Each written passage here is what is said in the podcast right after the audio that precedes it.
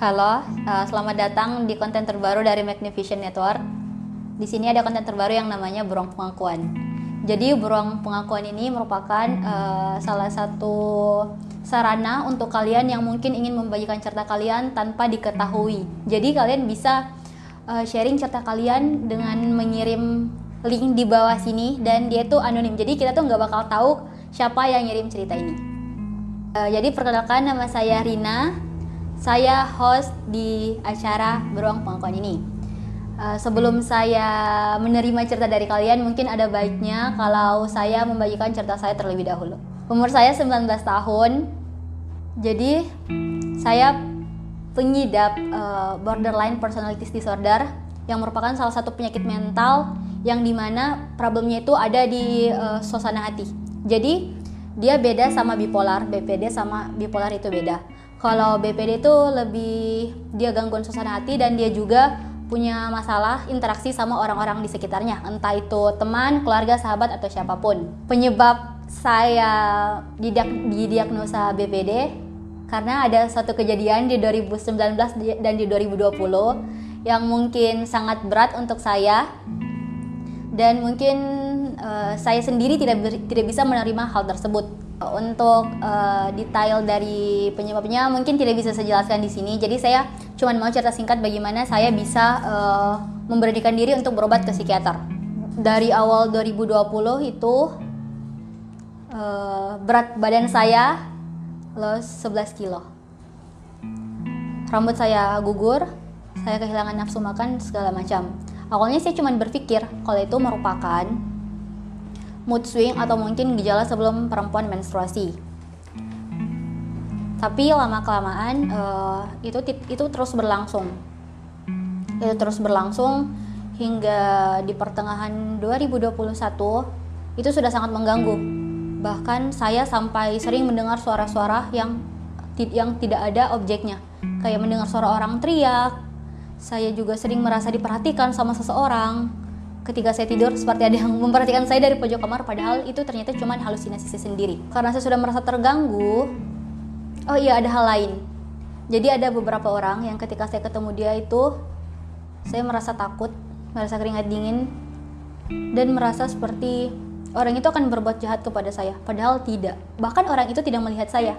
Hal ini terjadi ketika saya melihat dia. Entah itu saya melihat dia secara langsung atau di sosial media atau bahkan hanya dengan mendengar nama orang tersebut. Reaksi yang saya alami itu saya bisa gemeteran, saya keringat dan uh, saya merasa ketakutan dan detak jantung saya berdetak dengan sangat cepat.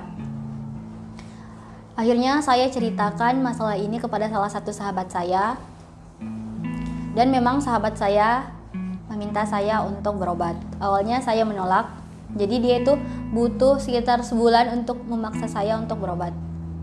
Sampai suatu hari saya download Halodoc. Pertama saya cuman uh, memilih untuk konsul offline. Saya konsul offline. Saya ceritakan hal yang salah yang saya alami dan ceritakan uh, penyebab dari ketakutan saya dan saya langsung didiagnosa BPD. Karena merasa kurang yakin, saya mencoba untuk konsul ke dokter yang satu. Dan dokter yang satu itu mendiagnosa saya bipolar karena saya merasa tidak yakin dengan diagnosa dokter karena apalagi ini kan ini ya konsul offline. Kalau menurut saya ya kalau kayak masalah mental itu mungkin akan lebih akurat kalau kita konsul secara langsung tatap muka. Jadi saya memutuskan untuk konsul dengan salah satu dokter di Makassar. Saya booking saya buat perjanjian sama dokter di hari Sabtu. Kebetulan hari Sabtu itu keluarga saya akan ke Makassar Uh, by the way, sampai sini tuh orang tua saya belum tahu tentang hal ini. Yang tahu itu hal ini cuma adik saya sendiri. Dokternya itu uh, jadwal dokter itu ada jam 6 sore. Dan waktu itu memang uh, ayah saya ingin buru-buru untuk pulang. Dia ingin pulang jam 5. Jadi saya harus berpikir bagaimana caranya agar saya bisa menahan mereka di Makassar. Karena saudara saya sangat cinta dengan treatment, saya menjogok mereka dengan treatment tapi harus hari itu. Karena treatment lama jadi mereka lagi treatment, saya bisa langsung ke psikiater. Dengan alasan saya akan keluar dengan sahabat saya. Saya ke psikiater ditemani dengan sahabat saya. Jam 6 dokter datang dan saya masuk.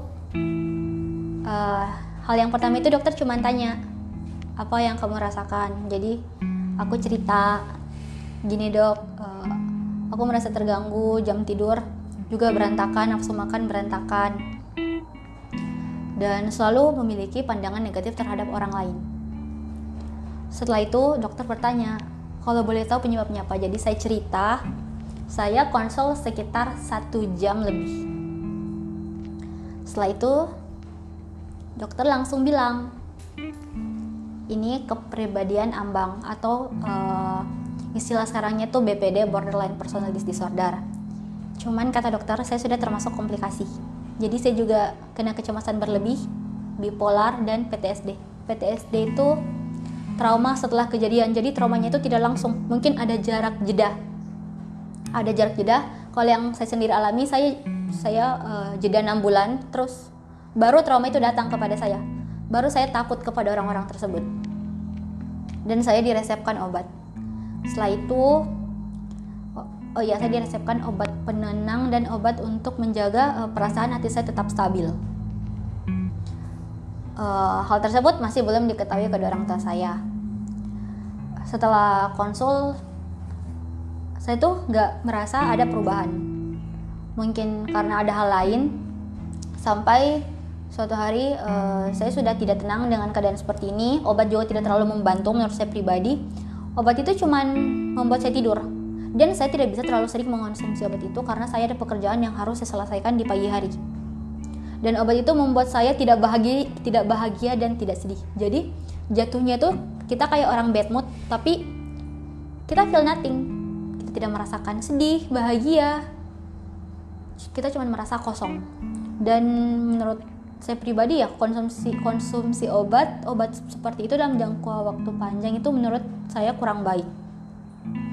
Jadi uh, suatu waktu di waktu yang tepat saya memberanikan diri untuk menceritakan hal hal ini kepada orang tua saya. Saya ceritakan kepada mama saya kepada ayah saya kepada saudara saya. Mereka kaget dengan hal tersebut. Kenapa saya tidak cerita dari awal? Akhirnya saya menjelaskan kenapa saya tidak cerita kepada mereka terlebih dahulu. Mereka uh, reaksi mereka bagus mereka support dan kata mereka kalau ada apa-apa cerita sama kita biar kita juga tahu keadaan kamu kayak gimana apa segala macam. Setelah itu aku baru merasa lega. Baru merasa merasa agak plong. Jadi mungkin karena saya sudah tidak terbeba tidak terbebani dengan menyembunyikan hal ini. Uh, orang tua saya juga sudah tahu keadaan saya apa segala macam. Tapi setelah itu saya merasa lega untuk beberapa saat. Setelah itu gejalanya kembali lagi. Saya merasa takut saya merasa cemas berlebih segala macam. Ternyata penyebabnya karena saya belum bisa menerima uh, masa lalu saya. Menerima uh, hal-hal yang sudah terjadi sama saya di masa lalu. Entah itu yang berhubungan dengan diri saya sendiri yang berhubungan dengan orang lain dan segala macam. Dan saya merasakan itu sampai sekarang. Jadi sampai sekarang saya masih butuh pengobatan dikit cerita waktu saya mengalami waktu di tahun 2021 saya juga pernah mengalami cut, saya pernah cutting uh, kalau untuk saya pribadi ya kenapa saya melakukan cutting karena pada saat itu mungkin saya sudah sangat sakit ya hatinya dan tidak tahu tidak tahu uh, apa yang harus saya lakukan agar sakit ini mereda. Akhirnya saya memilih untuk melukai diri saya sendiri, tapi ternyata itu hal yang beda. Luka pada diri sendiri, luka pada fisik dan hati itu berbeda. Jadi cutting itu menurut saya tidak berguna sama sekali. Terus saya juga pernah pernah apa namanya? Dan pikiran untuk bunuh diri itu pasti selalu ada kayak mending saya mati mending saya mati mending saya mati mungkin itu juga salah satu penyebab uh, saya selalu, selalu ingin melakukan cutting uh, saya juga selalu berpikiran negatif untuk orang-orang di sekitar saya. Entah itu keluarga saya sahabat saya. Saya susah percaya kepada orang saya susah percaya kepada orang dan perubahan suasana hati saya yang begitu drastis. Cuman butuh beberapa detik dari bahagia ke sedih ke sedih ke bahagia yang di mana itu sangat mengganggu saya sendiri. Saya sendiri saya merasa terganggu apalagi orang yang ada di sekitar saya. Dan saya juga selalu ingin saya juga selalu merasa merasa tidak berguna. Saya merasa tidak berguna kenapa saya kenapa saya harus ada di dunia ini?